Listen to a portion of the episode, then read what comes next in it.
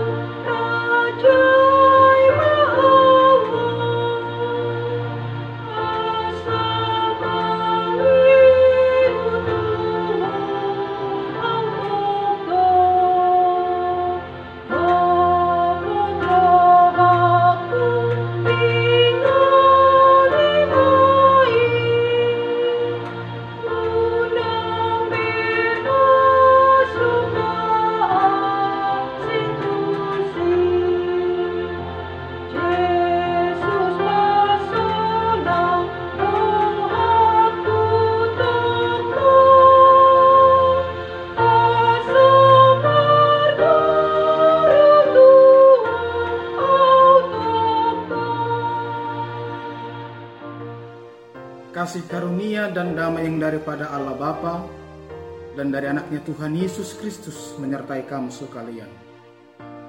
Amin. Horas Salimanta, sangahon 5 menit manangihot Tuhani, yang terambil dari Amsal 29 ayat 25. Takut kepada orang mendatangkan jerat, tetapi siapa percaya kepada Tuhan dilindungi ingin diterima oleh orang-orang, ini mungkin adalah salah satu penghancur kebahagiaan terbesar manusia.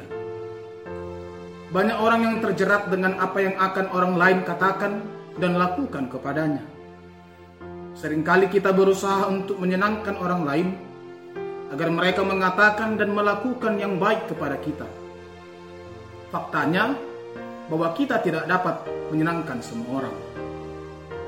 Kita membuang banyak waktu dan energi mencoba mencari tahu apa yang orang lain inginkan dari kita. Kemudian berusaha menjadi seperti itu. Bukan seperti apa yang Tuhan inginkan. Pemikiran ini sangat berbahaya.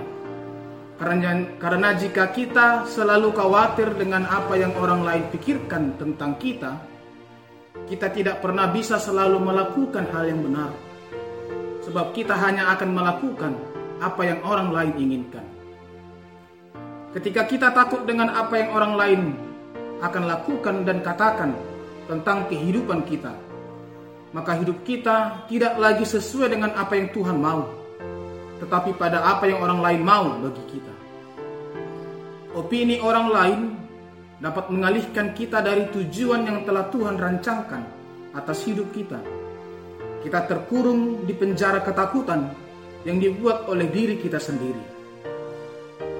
Ada kalanya juga secara sengaja kita melakukan tindakan-tindakan yang bertentangan dengan etika, moral, dan terutama bertentangan dengan kebenaran firman Tuhan. Hanya oleh karena menuruti apa kata orang, takut memikirkan pendapat orang lain tentang kita.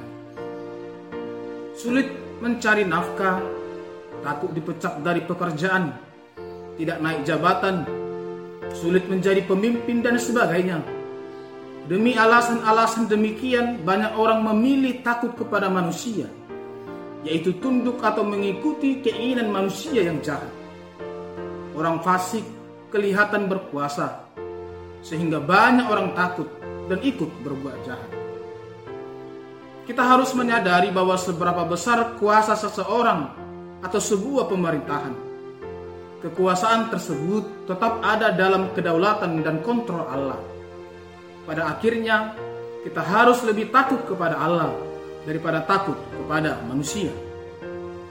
Lebih baik percaya dan mengandalkan Tuhan daripada percaya dan mengandalkan manusia. Lepaskan ketakutan kita dan percayalah pada visi Tuhan atas kehidupan kita. Jika Allah menyukai kita, Siapa yang peduli dengan orang-orang yang tidak setuju dengan semua yang kita lakukan? Penilaiannya atas kita selalu mendatangkan anugerah dan menjadi berkat ketika kita mau mendengar dan melakukannya dalam kehidupan kita. Percayalah bahwa Dia tahu apa yang terbaik untuk kita. Siapa pun yang percaya kepada Tuhan akan dilindungi. Tidak berarti juga bahwa tidak akan ada pencobaan, penganiayaan, atau bahkan kematian. Namun ada jaminan bahwa Tuhan akan senantiasa melindungi dan memelihara kehidupan kita. Selamat takut kepada Tuhan, bukan takut kepada manusia. Amin, kita berdoa. Kami sungguh bersyukur ya Allah untuk firman-Mu yang telah meneguhkan kami pada hari ini. Agar kiranya kami dalam menjalani kehidupan kami senantiasa takut akan Engkau. Bukan takut akan manusia, takut akan pikiran dan perkataan manusia, takut akan dunia ini. Tapi kami mau senantiasa hanya takut akan Engkau. Meskipun begitu banyak pergumulan, kesesakan, penderitaan yang kami hadapi dari orang-orang lain, dari dunia ini, tapi kami tetap yakin dan percaya Engkau Allah sang pengendali kehidupan yang senantiasa memelihara dan juga menopang kehidupan kami. Untuk itu ya Tuhan, kami mau serahkan kehidupan kami dalam tangan pengasihan. Anugerah Tuhan kita Yesus Kristus, kasih setia Allah Bapa dan persekutuan Roh Kudus kiranya menyertai kamu sekalian. Amin.